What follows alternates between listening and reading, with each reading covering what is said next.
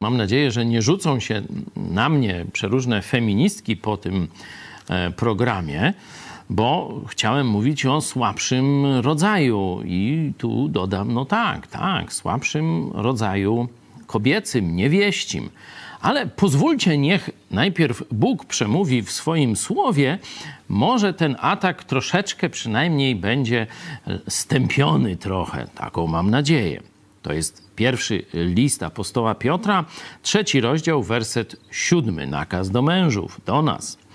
Podobnie wy, mężowie, postępujcie z nimi, chodzi o swoje żony, z wyrozumiałością, jako ze słabszym rodzajem niewieścim i okazujcie im cześć, skoro i one są dziedziczkami łaski żywota, aby modlitwy wasze nie doznały przeszkody. Jeśli będziesz źle traktował swoją żonę, no to twoje modlitwy nie będą dochodziły do Boga tak, jakbyś ty tego sobie życzył. Nie będziesz też dostawał odpowiedzi i błogosławieństwa od Boga, no ale to motywacja. Na czym tu polega nakaz? Po pierwsze, z wyrozumiałością.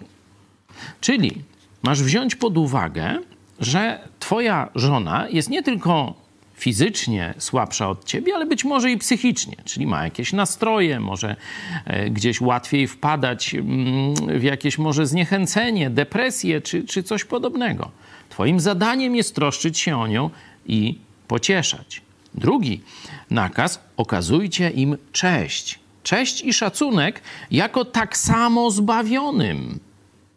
Zobaczcie, kobiety w perspektywie chrześcijańskiej mają rolę uprzywilejowaną. Trzeba je ze czcią i z wyrozumiałością otaczać troską. W świecie feministek kobiety są zwykłym wołem roboczym. Wybierz, którą wolisz perspektywę? To pytanie dla pani.